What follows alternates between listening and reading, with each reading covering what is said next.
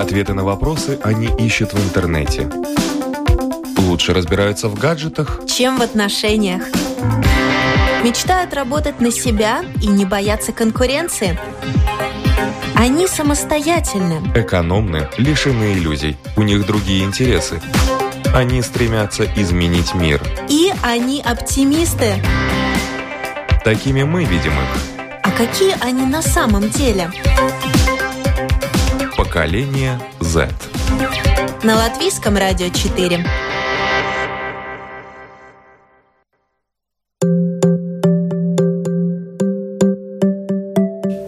Здравствуйте, уважаемые радиослушатели. У микрофона Марина Талапина. В эфире программа «Поколение Z». За операторским пультом Том Шупейком, музыкальный редактор программы Кристина Золотаренко. И мы сегодня будем говорить днем о ночных делах. Пятый год подряд Международное агентство молодежных международных программ организует фестиваль «Ночь проектов». Главная цель – помочь молодежи воплотить их идеи в жизнь. Как это происходит? Со скольки лет можно принять участие? Какой путь надо пройти для того, чтобы твоя идея воплотилась в жизнь? Обо всем этом мы сегодня говорим в нашей программе «Поколение Z». С нашими гостями я рада представить у нас в гостях участница проекта э, проекту НАКТ 2018, руководитель проектов молодежной организации Young Folks, молодая, красивая, энергичная Анжелика Мария Зуба. Здравствуйте. Представитель и эксперт агентства международных молодежных программ Майя Колберга. Добрый день и также руководитель общества ради виды ПАЦ и многолетний тренер неформального образования, а еще главный руководитель обучения, главный ответственный по содержанию и координатор в проекту НАКТ 2019. Это один человек, э, Станислав Бабинс. Да, добрый день. Итак, уважаемые радиослушатели, пожалуйста, пишите нам на нашей домашней странице www.lr4.lv. Кликайте «Написать в студию», заходите, смотрите также нас, кликайте на видео и увидите наших замечательных гостей, которые ответят, надеюсь, на все наши вопросы, которые вы также зададите. И э, я думаю, что эти вопросы можно задавать... Э, вот э, сегодня можно задавать всем. Если у вас есть идея, если вы молоды, энергичны и хотите ее воплотить в жизнь, то э, добро пожаловать. Итак, что, такая, что такое «Ночь проектов»? Майя, вопрос, конечно же, в первую очередь вам. Угу. Ну, «Ночь проектов» — это, можно сказать, тематический фестиваль фестиваль, когда мы даем информацию молодым людям о программе Erasmus Plus и Europe Solidaritats Corpus, о возможностях, какие они могут э, использовать, как написать проект, встретить разных экспертов, э, э, найти, может быть, эм, других молодых людей, которые думают, или у них похожая идея, как и у вас, да, и тогда можно вместе развивать эту идею и как это технически происходит, поскольку ночь проектов звучит интригующе. Во сколько начинаете, во сколько заканчиваете, как загружаетесь, спи, спите ли или э, бодрствуете? Ну, ночь проектов, значит, это ночь. Это мероприятие происходит 24 часа. А, начинаем мы обычно в 11 дня а, и до следующего дня 11 ну да, скажем, откровенно спим, немножко спим, примерно с трех до 6-7. Ну, наверное, по очереди тоже кто-то спит. Все дружно. Ну, программа очень интенсивная, все время есть что делать. Э, или мы учимся что-то, либо отдыхаем. Были у нас разные даже а, трассы, приключений или Ух. фильмы смотрим, ну, как бы разные возможности. Ну, и спальные да. мешки, конечно же, на всякий случай с собой можно брать, да? Ну, да-да, палатки, спальные мешки, чтобы... Э, этому фестивалю уже пять лет. Я боюсь, что э, трижды руководитель был у истоков и знает, как это было, как это начиналось. Ну да, сам э, да, пять лет назад, это 2012? 15. 15 год, да, 2015 год. А, идея вообще не новая. Ну, э, мы... Э, задумка очень простая. 24 часа, как, как э, такой мара, маратон написания да. проектов.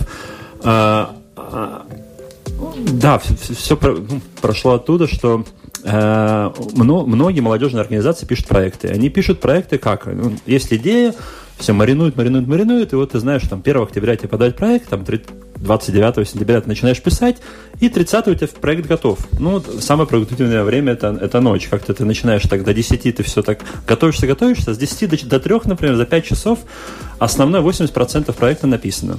И это, это, конечно, очень много сил тратится на это, и потом в последний момент ты нажимаешь кнопочку там э, «одобрить», отправить, да, отправить, да и вот он отправляется.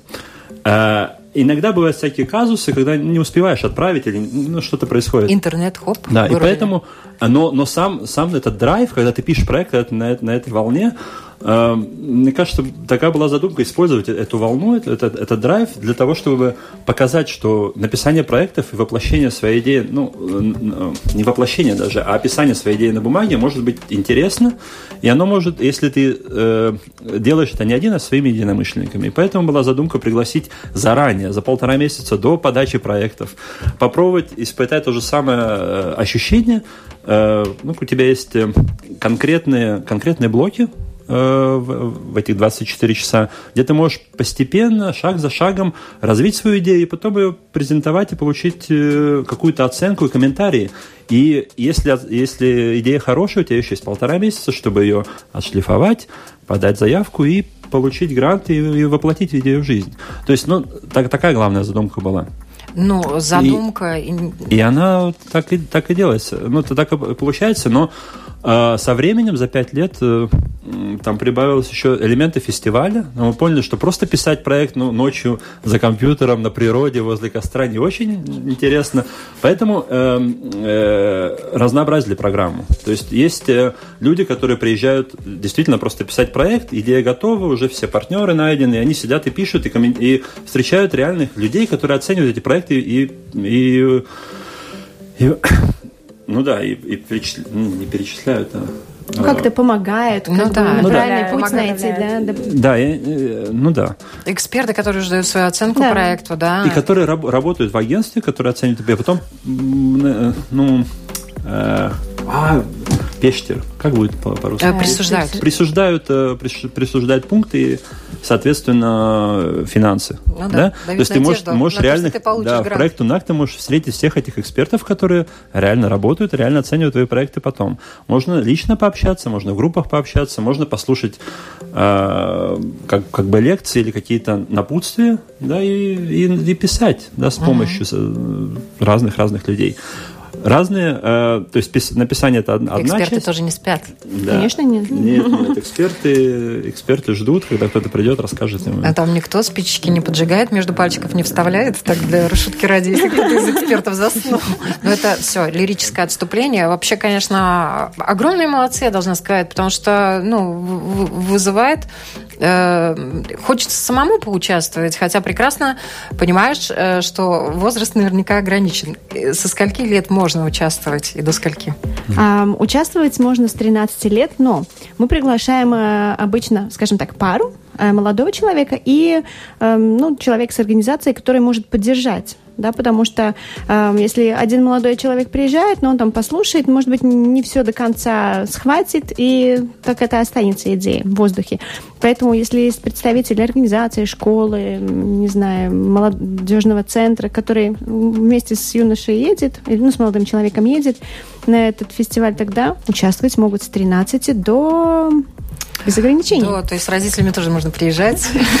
Но главное, чтобы, да, была пара, с кем ты можешь переговорить свои идеи, а, может планировать уже какие-то следующие шаги, которые тебя поддержат потом. Ну да, я думаю, с родителями, ну, мы так не думали, что можно приезжать с родителями. Я шучу, думаю, конечно. Как... Ну, просто родители, если 13-летний ребенок, то, ну, с разрешения принципе, родителей. Может, с разрешения да, родителей, однозначно, привести, да. Ну, как, как на, на, на Лагеря, нет? Лагерях, как да. в лагерях. Что родители такое? привозят, оставляют э, угу. расписку, что, да. что ребенок сдан. Принял, да. принял, сдал, да, и потом забирают.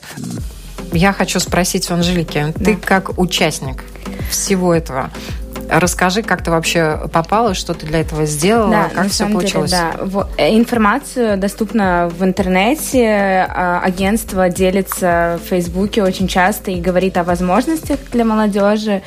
По-моему, самое главное, э, одно из самых важных, что там есть, это атмосфера. Во-первых, ты фокусируешься на написании проекта и реализации своей идеи, потому что когда ты э, пишешь сам или в организации, это получается, что э, тебе надо собраться с группой, а тут у тебя, ну, как бы, как будто выхода не то, что нету, а ты, ну, фокусируешься на том, что ты делаешь и э, обращаешь внимание на разные пункты. Второе, это, конечно, эксперты. Это очень важно, и ты можешь напрямую задать их, им вопросы. Не, там, э, безусловно, ты можешь и приехать в агентство их задать, э, когда всегда там рады, но здесь ты напрямую сразу подошел, спросил, э, может быть, это и глупые вопросы, но тебя волнуют, и ты сразу знал, моментально ответы получил на все свои э, там такие какие-то вопросы, и ты можешь вдохновиться. Там огромное количество людей, у которых горят глаза от идей, э, что они хотят что-то реализовать. Ты можешь кому-то присоединиться, ты можешь познакомиться и вместе потом э, реализовать. Или у вас там же родится идея какая-то, которую вы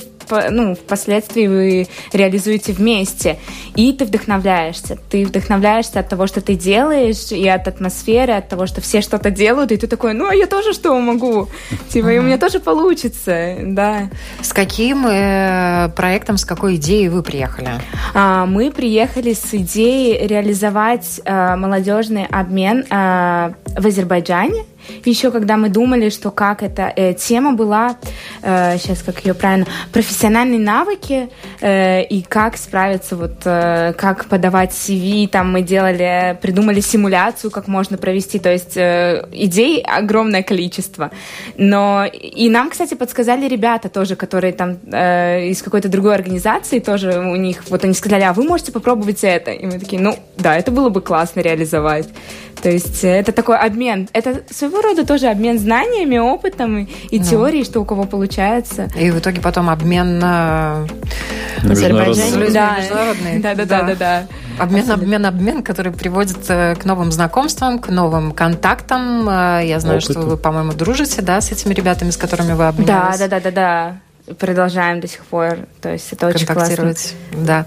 Какие проекты вам, как э, руководителям, организаторам э, всего этого мероприятия, вот за эти фестивали запомнились, э, полюбились, может быть, которые из года в год не перестают быть актуальными? Не, ну самое популярное это именно, да, молодежные обмены, потому что, ну и, и возраст 13 Но они с разными целями, да? Конечно, потому что тема может быть любая, да, каждый молодой человек может для себя решить, мне интересно это, и я хочу именно обмену по этой теме. Нет ограничений, да. Кто-то думает о животных, пишет про животных, кто-то про музыку, значит музыка. Кому-то интересует карьера, да, значит смотрит в, это, в эту сторону. Поэтому... Да, то есть это для всех. Абсолютно каждый может найти свое какое-то не предназначение, а свою цель какую-то, свою идею поймать. Свой хобби перевести да, да, да. как бы в да. проект, да. Ну, молодежный обмен это самый-самый. Но в этом году мы еще ждем, у нас э, в прошлом году новую программу эм, мы запустили, запустили да, это Europe Solidaritats корпус, и там возможно реализовать эм, молодежные инициативы, да, Solidaritats проект они называются, а, да, как бы инициативы для местного сообщества. Для местного да. сообщества, да, такие. И там тоже, опять, это не надо даже международные партнеры не надо искать, ты можешь просто прийти со своей идеей, ее развить и что-то для своего местного, местное общество, общество да, что-то... Ну, должно быть какая-то, какие-то проекты, которые направлены на, на улучшение или среды в, в обществе, или решение каких-то актуальных проблем, и одна из, таких моментов это что, ну, что мы не популяризуем, а практикуем солидарность. Да, солидарность э, ну, с, с окружающими. Mm-hmm. Это, это самая главная идея. Да? Mm-hmm. Это тоже как может быть такие ну. легкие проекты, с чего начинать, да, молодым людям. Ну да, и понятно, конечно, что 13-летний человек, который э, приходит, вряд ли он сразу все э, этапы, которые проект должен пройти, может осознавать, он там реально учится. И есть люди, которые там постарше, да, которые ему помогут. Команда наверняка разновозрастная. Не, ну да, так и есть. Обычно с 13 по 30 это такой средний возраст. Mm-hmm. И что еще интересно? Конечно, фестиваль не резиновый. Или резиновый. Не, ну обычно, да, это 100 человек. 100 человек. Как попасть? Просто подать заявку. Я хочу участвовать, написать, может быть, а, идею, какая у тебя уже сейчас есть, да, примерно о каком, может Или быть, тему. Да, тему, тему идею, о чем, о чем ты думаешь, хочешь, что ты хочешь развивать, и, и подавать. И вперед. Да, до конца июля ждем еще заявки. Эм, сайт можно найти либо на нашем сайте www.yaunatna.gov.lv, либо, как э, уже Анжела Анжелика да. говорила, в Фейсбуке есть, в Инстаграме можно найти тоже э, именно. Само мероприятие э, будет происходить 9-10 августа в Икштине. На пляже. На пляже. Главное, да. чтобы была да. погода, да? Да, мы уже такая зарезервировали хорошую погоду, да? Так что... По плану. Все должно быть хорошо. Это начало августа. Ну, ну будем надеяться, что будет хорошая погода, конечно, которая тоже будет вдохновлять, ну, может быть, отчасти расслаблять, да. Но э, в любом случае хочется также узнать, эм, как много проектов вот 100 человек э, приезжает, понятно, что проектов меньше, да, вот как много проектов в итоге на выходе? Ну, можем сказать примерно 30%, потому что, как уже Анжелика сказала, люди объединяются. Если приехали 100 человек, э, во-первых, 50 э, уже это по парам, можно сказать так, еще когда-то объединяется. Ну, кто подает, кто не подает, кому-то еще повезет, кому-то еще нужно немного поработать. Ну да, из 100 человек, э, ну, я думаю, половина едет писать проекты, а остальная половина, ну, едет просто или за компанию, или вдохновиться, или понять вообще, о чем мы говорим. Или, да, и, и, да, и у многих есть там мотивация тоже, ну, какое да, саморазвитие тоже. Или встретить для мышленников, или, или ну, и поэтому, ну, там очень сложно сразу, ну, например, на, на, первое, на первую подачу, там, которая следует за, за ну, ночью проектов, э, понять, сколько проектов подано, но однозначно, что, ну, что ты можешь вдохновиться и помнить это, это мероприятие, и потом в какой-то момент это выстрелит. Ну, в, в том плане, что если не сейчас ты напишешь проект, то участвуй где-то как сам как участник, и потом вспомнишь, а, была еще такая возможность у меня, как мы развивали идеи, как писали проекты. Ну да, это тоже. Если не этот именно как бы проект, то вообще понятие о том, что такое проект, из каких э, блоков, блоков он состоит, он состоит да, и это, может быть, э, нужно потом будет, не знаю, в школе, в университете или еще где-то. Да? Ну да, да уровни, уровни там самые разные, там знания. То есть можно просто понять вообще общую картину, что значит проект. Но мы также планируем э, говорить о, о, о критериях э, качества проекта, да, потому что не просто написать идею, да, как, как его правильно написать, да. и, и как, где ключ к тому, что, ну, чтобы проект одобрили. Ну, как, на что именно, на что смотрят эксперты? Все эти книфи, не все эти, там можно так очень детально уходить, да, углубиться углубляться. в детали, узнать что-то такое, что, ну, ты мог не, об этом не думать. То есть некоторые там узнают даже о таких базовых вещах, а некоторые прям, вот мне надо было конкретно об этом узнать, что в этом блоке надо прописать это, потому что на это посмотрят, и это будет играть какую-то важную роль э, в качестве оценки твоего проекта. Ну, например, например нам э, очень часто, так как программа европейской, э, Европейской комиссии, Erasmus+, и Европейский корпус солидарности, а, например, там, опишите европейскую дименсию в проекте. И так думаешь, ой, мы же, мы же работаем здесь на национальном уровне, какая тут европейская... Ты, ты не знаешь, как, как ты ее опишешь. Хоп, попросил, спросил у Майи, Майя, подскажи его, пожалуйста, что значит европейская дименсия? Майя тебе скажет, это ценности европейские, как они, как они отражаются в твоем проекте? А, ну да, у нас там свобода есть, есть свобода, как мы ее показываем в проекте? А вот так вот, и так можешь ее описывать. Ну, то есть ты просто с разных сторон посмотришь, и когда люди, которые, ну, как, или эксперты, или те, которые часто, у которых есть опыт уже в реализации проекта, могут подсказать, или даже показать примерно, как это описывается, да, на какие вопросы надо ответить в каждой конкретной части, и и, и одобрят, но не одобрят, а подбодрят э, писать. Там на самом деле очень просто писать, если знаешь, что писать. Ну, и поэтому в это, в это время, 24 часа, у тебя есть возможность реально все... Заполнить все ну, правильно. Ну, правильно, да, и понять... Правильно оформить идею, mm-hmm. да? да? Завернуть ее так, чтобы она была действительно удобоварима, потому что наверняка огромное количество идей, они натыкаются на какие-то совершенно глупые вещи, которые были недоделаны. Правда? Ну да, и, наверное, так получается, что, скорее всего, часто у тебя есть гениальная идея, но ты не знаешь, как ее прописать. У тебя, ну, то есть э, люди, которые оценивают твой проект, они не могут до конца в твоих мыслях все прочитать, mm-hmm. поэтому тебе надо это грамотно описать, грамотно расписать, как это будет, чтобы человек, прочитав твою идею, точно понял, вот ты хочешь это. И тогда человек, э, если человек поймет, он, конечно же, оценит это.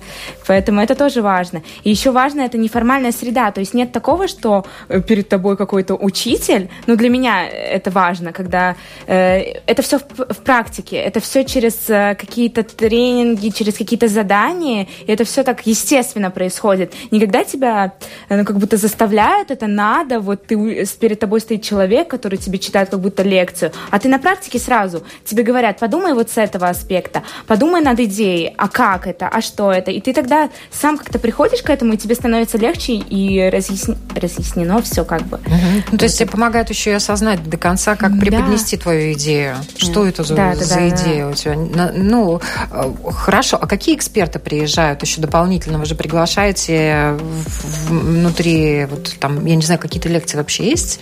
Ну, как бы лекции, как все это больше нет. идет через неформальное обучение. Вот, да, ну, есть, есть э, эксперты, которые приезжают. Один год был э, из Литвы, э, эксперт по Дигитальным инструментам, цифровым инструментам. Да, дигитальным инструментам, работе. как их воспользоваться разными аппликациями, разными вот этими дигитальными... Э, Приложениями. Да, э, не только в проекте, но вообще, которые можно использовать. Э, тогда один год у нас был эксперт, который рассказывал, как как найти вообще себя, мотивацию и, ну, как бы, больше как для тебя, как, как тебе развиваться. Личностную и как тебе это, да, тебе реализацию. Угу. Да, кто у нас еще был? Астер Лурсмерс у нас был один год. Да, приезжал, рассказывал. А, да, эксперты в основном связаны э, э, с, со сферой молодежи, работы с молодежью. Это в основном да, мотивация, все мотиваторы, э, инфлюенсеры, как по-русски инфлюенсеры? Э, которые... Влиять? Влиять. Влиятельные. Инфлюенсеры. Влиятельные люди, в общем. Ну, не, влиятельные, которые, которые формируют мнение. Да. да формируют мнение молодежи. И такие, ну, тоже. Ну, в этом году э, у нас пока э, мы не откроем, кто будет эксперты, еще неизвестно. У нас э, стра... ну, не секрет, а просто да, стратегия коммуникации такая, что мы э, каждую неделю будет, будем э, публиковать 2-3 новости, чтобы они не повторялись, так мы постепенно будем открывать, О, кто будет, э, кто будет к нам э, у нас э, участвовать. Но эксперт это только одна часть. В основном это работа, э, как бы это принцип неформального образования, где, где ты учишься и развиваешь свою идею вместе с группой.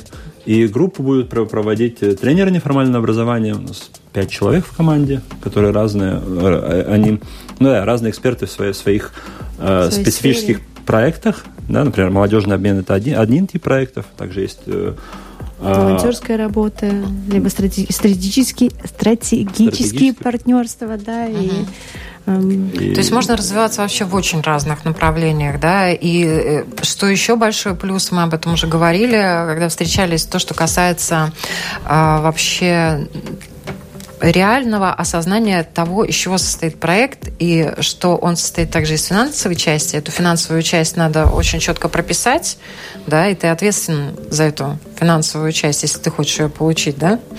Ну, я, можно, можно сказать так, что тебе надо очень хорошо преподнести идеи, потому что финансовая часть э, описывается очень легко, скажем. Ну да, она, с одной да? стороны, я имела в виду, за... что это ответственность да. за, то, за те финансы, которые ты получаешь, да? Mm-hmm. Вот вы получили финансы, Анжелик, вот... Да. Э, Какие чувства были? Да, все, проект прошел, все, вам выделили деньги. Ха! Ура! Пошли в ресторан. Нет.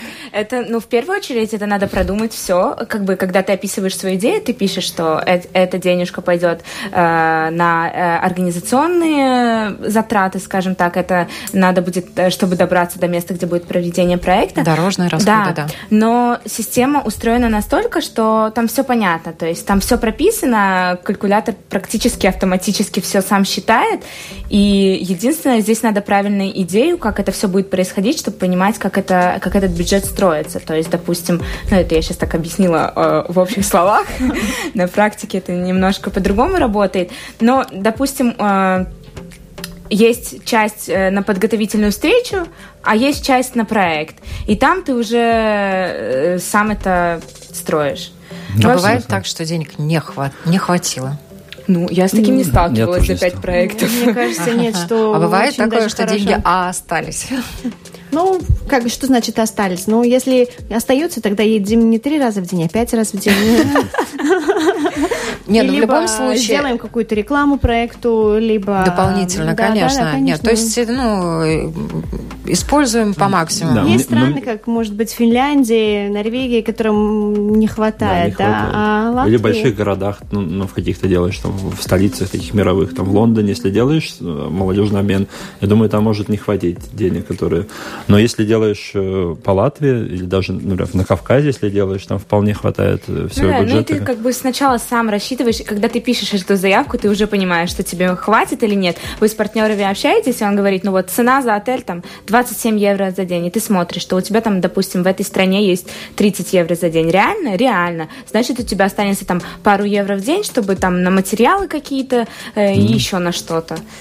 Ну да. А, мне кажется, главное там в бюджете, ну не думать, ну, там детально надо прописывать и продумывать, но главное, мне кажется, чтобы там эти деньги тратились на цель. Если да. ясна цель, для, зачем вам эти деньги нужны? Ну, тут, тут, тогда тут, там не проблем. И... Ну, это и как раз тоже обучающий момент э, такого вот финансирования, использования, финансирования продуктивного использования, финансирования качественного, да, то, то есть просчитать все, и питание и для себя, и для гостей, и так далее. Ну, э, это такой тоже важный момент, да, если человек в будущем э, ну, хочет да, это организаторские навыки, они развиваются, конечно, не только написание проекта. Мне кажется, написание проекта это такая одна, ну, такая легкая часть. А мне когда вот получаешь одобрение, говоришь, вот ваш проект одобрен, заключаем договор, и вот тогда ты думаешь, опа, сейчас мне надо расписаться за то, что я получаю, не знаю, например, ну, средний молодежный обмен там 20 тысяч евро. Вот ты получаешь 20 тысяч евро, и думаешь, о, окей, так мы все расписали бюджет, а так реально нужно эти денежки, и да, и все делать, открывать счет, э, писать договор, и вот начинается настоящая работа. И мне кажется, там вот, вот там сложнее уже. Но что очень хорошо, что, мне кажется, агентство очень дружественно тоже не только в написании проектов, но и в реализации, что очень поддерживает и ну да, и в момент, когда реализуешь, все, если контактируешь, то очень легко это все сделать. Если есть хороший план и цель ясна, то, то, то, то как потратить эти деньги, правильно потратить деньги, ну, не должно быть больших проблем. Да, и несмотря на все, не только, то есть есть такие моменты, как проект УНАКС, где ты можешь узнать, как реализовать свою идею, но и помимо этого ты можешь контактировать все время и во время реализации, и после реализации с агентством, и тебе ответят на все твои вопросы и помогут с бюджетом и объяснят, там направят. А какие вопросы вот у тебя возникали на стадии написания проекта и потом на стадии реализации проекта? Ну да, скорее эти идеи, Э, эти вопросы возникали по практическим каким-то вещам, то есть как здесь описать там, а, на что надо обратить внимание. Допустим, это касалось участников, как выбирать, например, критерии участников, что такое, и распространение результатов. Как лучше сказать э, о том, что я, допустим, хочу создать конечный результат плакат, и тебе говорят, ну ты создашь, а цель этого плаката? То есть ты должен объяснить, что цель этого плаката и какая это аудитория. То есть ты когда задумываешься, ты такой, ну да, плакат будет, а что с ним дальше? Ну, то есть и тебя приводят к таким, ну, подумай, а это рациональное ли использование? Вообще нужен? А где ты будешь его э, э, делиться им? Ну, ты такой в интернете. Ага. Ну да, но задумка такая, что, что эти вопросы не для того, чтобы отговорить делать плакат, а, а для да. того, чтобы плакат был ясен для зачем. Для да, направление. Именно mm. вот я, да, и про это есть. Ну вопросы, да, вот так, такого рода, что больше с реализацией связаны. И идея это может быть ты сам понимаешь, как будто ты описал ее, а, пока еще не подал а, в агентство, а больше по тому, как какие участники, критерии, опиши вот здесь, подумай, а, а еще... Ну, да. ну, ты как коуч, да? Да, да, да, да. да. Особенно, ну, если участники, например, ну, по участникам, если они с ограниченными возможностями, то там есть очень много... Э, много-много инструментов, финансовой поддержки в том числе, о, о том, как, как э, включ, ну, включать э, участников, у которых или физически ограниченные возможности, или разные там географические, экономические э, тоже возможности ограничены. Есть э, довольно большой блок тоже в бюджете, предусмотрен для этого, но тебе нужно написать, каким образом эта поддержка будет происходить. Ну, то есть там тоже такие, если ты никогда не сталкивался с этим... Э, ты можешь предположить, но не факт, да, что это все подтвердится. Да. На, проект, да. на проект UNAX ты можешь встретить разных людей, которые такие проекты организуют и могут поделиться реально практическим опытом, и тогда намного легче описать будет. И человек, который будет читать, он поймет, а, ну ты знаешь, что значит там участники с инвалидной, ну, например, в инвалидной коляске. Ну да, и как это все будет происходить, там сразу начинается от логистики до проживания, до того, ну, как, да. как... Ну, все возможно сделать, и денег достаточно, чтобы это все воплотить. Все, все воплотить, просто нужно ну, продумать. Да. А какие э, сложности, вопросы возникали непосредственно, когда уже проект э, был одобрен, было получено финансирование? Или Например, просто все вот недавно столкнулась с таким вопросом, что делать, когда э, вы все с партнерами обговорили, а, допустим, один участник, он там э, летит не из того города, где мы изначально писали, а, допустим, из другой страны. Есть ли возможность, что он сейчас, допустим, находится на другом обмене, и он должен лететь в другую страну? Как это сделать? А если он э, превышает там лимит, как это тоже сделать? Ну, такие практические вопросы там по участникам. А что если э, в итоге никто от страны не прилетит? Что делать? Ну, то есть ты такой, а, ну как бы я прописал, что они должны быть, но так получилось по обстоятельствам, что они не прилетели. Ну, допустим, вот такое. Мне не так страшно все решить. Все решаемо. А бывали такие моменты, когда классная идея, но вот чего-то не хватили, не докрутили, и проект э, или завис, или не получил одобрения. Но проект классный. Э, ну, конечно, бывает разные случаи, но что мы всегда стараемся не просто сказать, мы не одобряем и все. Да, мы стараемся всегда сказать, не одобрили, но еще если ты добавишь там или опишешь там, доработай, либо доработай, да, доработай, и через там три месяца можешь еще раз подать, и тогда э, как бы получить эту поддержку. Ой, хочется спросить, сколько за, за, за вашими плечами проектов? В год? За все года. Вообще-то. Не, ну, каждый год мы получаем больше, чем 300 э, проектов. Э, ну, одобрить мы можем примерно 100. Ну, так, так средняя статистика. Угу. Ну вот про ошибки это правда работает, когда и у меня было так в октябре.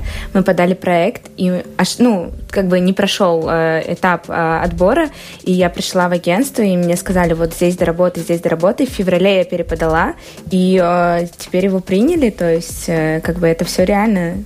Правда, ошибки тебе сказали поработать, и ты переделал, и все Но хорошо. Ты вот так вот как раз и получается, что, в принципе, на фестивале, да, ты сейчас уже активно в своей организации молодежной используешь те знания, которые ты получаешь, и да, да, реализуешь да. многие проекты. Да, да, да, абсолютно именно это помогло тоже. И какие-то знания, ты получаешь какие-то такие инструментики, которыми ты можешь тоже поделиться с кем-то. То есть понятно, что э, так как фестиваль не, не огромный, туда нельзя всех созвать, а желающих, которые хотят э, реализовать свою идею, огромное количество. И я думаю, это еще отдельно э, крутая возможность для людей, которые участвуют, потом приехать в свою организацию и поделиться с этим. Смотрите, ребята, я был на проект на акции, у меня есть вот такие инструменты. А давайте попробуем поделиться, создать встречу и другим рассказать. Вот смотрите, вот это можно тоже сделать. Или я узнал про это, и для этого и есть эти э, координаторы проектов в, организациях, которые могут делиться и других. Вообще, э, реально, это такая кузница кадров э, для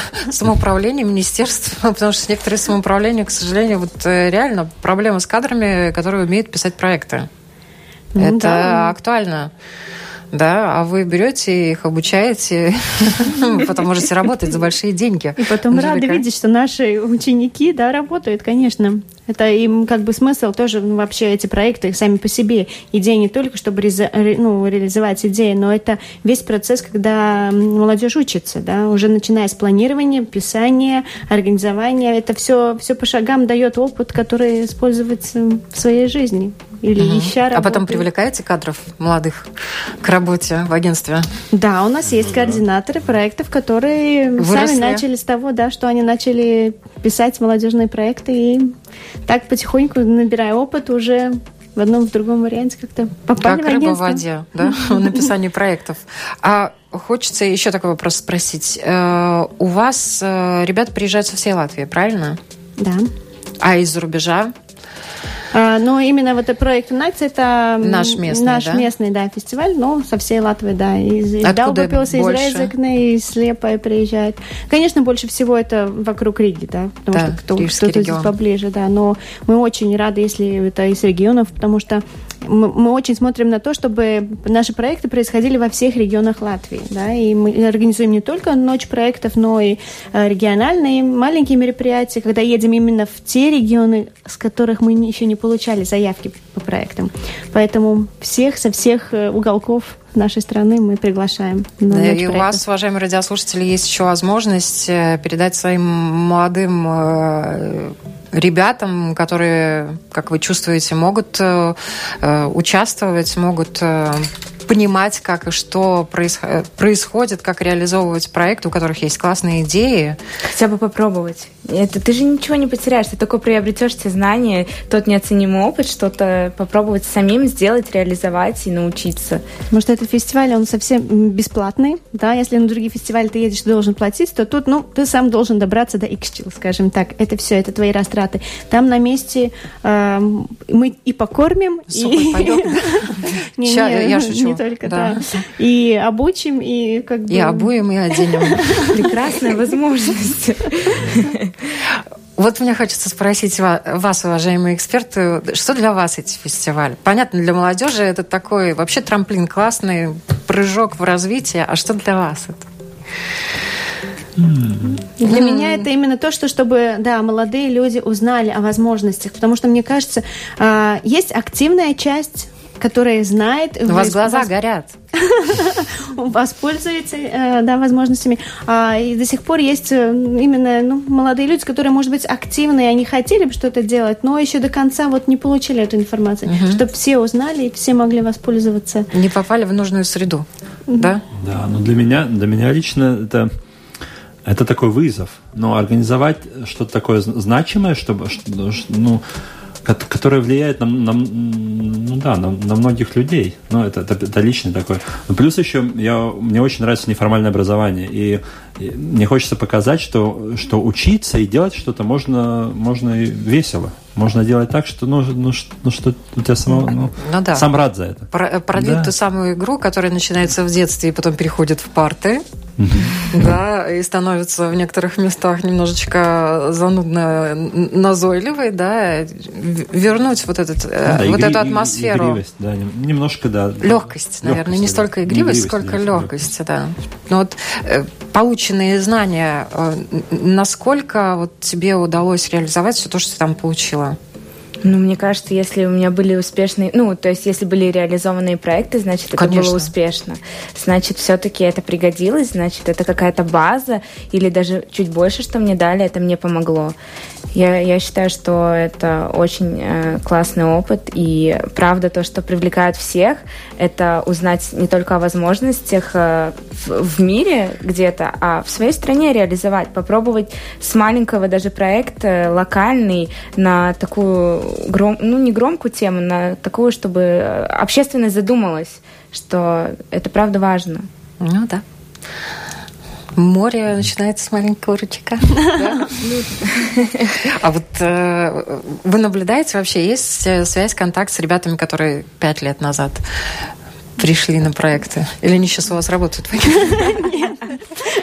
Не, ну так, которые пять лет назад с теми нет, но, вот, скажем, те, которые в прошлом году были, мы еще регулярно опрашиваем, как, как у вас дела, смогли подать, не смогли, может быть, нужна какая-то помощь, да, чтобы понять, где пропала эта мотивация или, может быть, наоборот, не пропала, а ну, загорелась. Да, у них уже там за, за плечами десятки проектов. Ну, я, я вижу, ну, как не личности, которые посещают проект, проект на акции, а организации, которые, например, а, меняются кадры меняются, да, меняются люди, приходят новые, ну, конечно, новые молодежь, люди. она, и, к сожалению, это такая теку, текучая. А мне кажется, к счастью, что она текучая, что она не стагнирует и остается. Ну, э, в общем, это очень хорошая возможность, то есть но, новых людей послать и понять этот вкус, э, ну, вкус, ну, как это, как эти проекты реализуются, что это такое. Это ты очень концентрированном времени и вместе ты можешь сразу это, ну, да, догнать их, догнать, да, да, почувствовать, использовать. И, ну да, мне, я вижу организации, которые регулярно посылают да, на проекты на акции, но это, это mm-hmm. я вижу. А чтобы люди ехали одни и те же. Но ну... если организации, вы видите, как они развиваются, то это тоже большое дело, да? Это говорит как раз тоже, что... Ну, это одна из целей, мне кажется, стратегии а, молодежного агентства, mm-hmm. да, чтобы быть таким главным партнером и в развитии организации, и в поддержке всего, ну, всех. Ну да, и очень часто начинают организации с одного проекта, и потом уже там развивается уже два. Вот, скажем, даже Ян Фокс, да, начали с молодежных обменов, а теперь у них уже вот три волонтера, да. Да. Живут здесь, в Латвии, да. Ну, как потихоньку, по шагу, по шагу, по шагу. И, и много таких организаций, которые, да, начинают с молодежного обмена, потом отсылают своих молодых уже работников, да, на обучение, либо начинают работать Крепчают. с волонтерами. Ну, конечно. Да. Наша Опыт молодежная организация. Опыт получают, э, узнают что-то новое, какие-то возможности, партнерские связи, как это они организуют, а появляется, э, да, обрастают. То есть не только вот такая возможность познакомиться с другими организациями. Много же людей с разных уголков э, Латвии, и потом вы вместе перерастаете в проекты и вместе организуете мероприятия.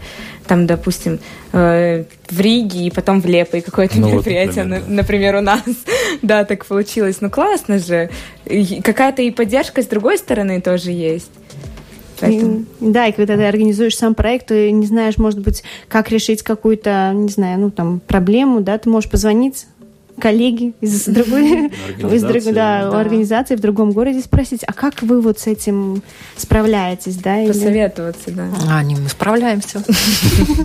Вот так и так и так. Конечно, это большое дело и э, большой такой мешок возможностей да, для молодых людей особенно. И радостно, что это уже с 13 лет э, можно во все это движение вливаться, втягиваться и развиваться. В завершении нашей программы, которая стремительно подходит к концу, хочется напутствие, пожеланий и обращения к молодым людям, в том числе к их родителям, да, которые думают, может быть, отправить своего ребенка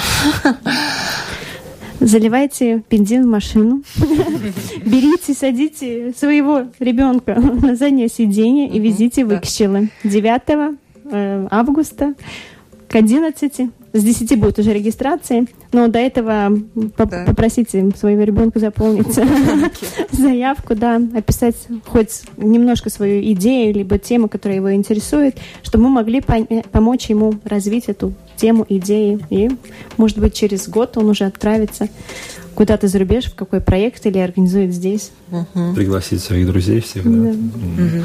А, но мне, мне, мне хотелось бы сказать, что ну, не, не только дети да, приветствуются на проекте, там очень много э, возможностей для организаций, которые работают с молодежью. И я, я бы тоже приглашал зарезервировать в, в календаре эти даты, 9 10 э, и реально ну, продумать, кто, кто может поехать и, и и, и, и приглашать. Э, использовать эту возможность. Использовать возможность, да. Уник, на самом деле уникальная такая вещь. У нас э, не, не, не рядом, не, ни в Эстонии, ни в Литве не проходят такие мероприятия. Не ну, слышали, нет. Нет.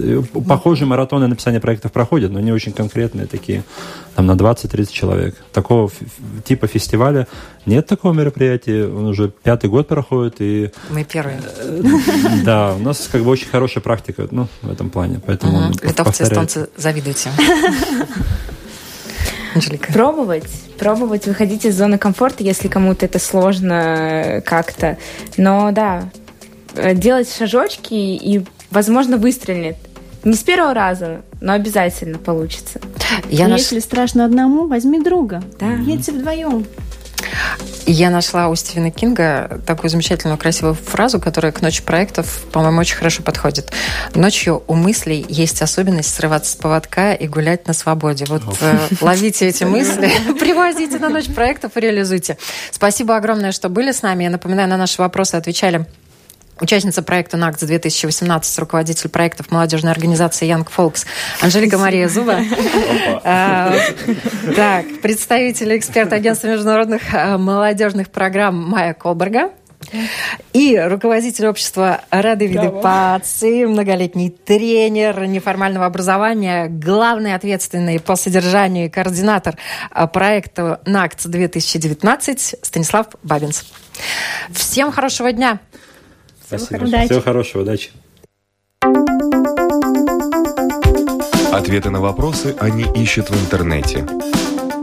Лучше разбираются в гаджетах, чем в отношениях. Мечтают работать на себя и не бояться конкуренции. Они самостоятельны. Экономны, лишены иллюзий. У них другие интересы. Они стремятся изменить мир. И они оптимисты. Такими мы видим их. А какие они на самом деле? Поколение Z. На латвийском радио 4.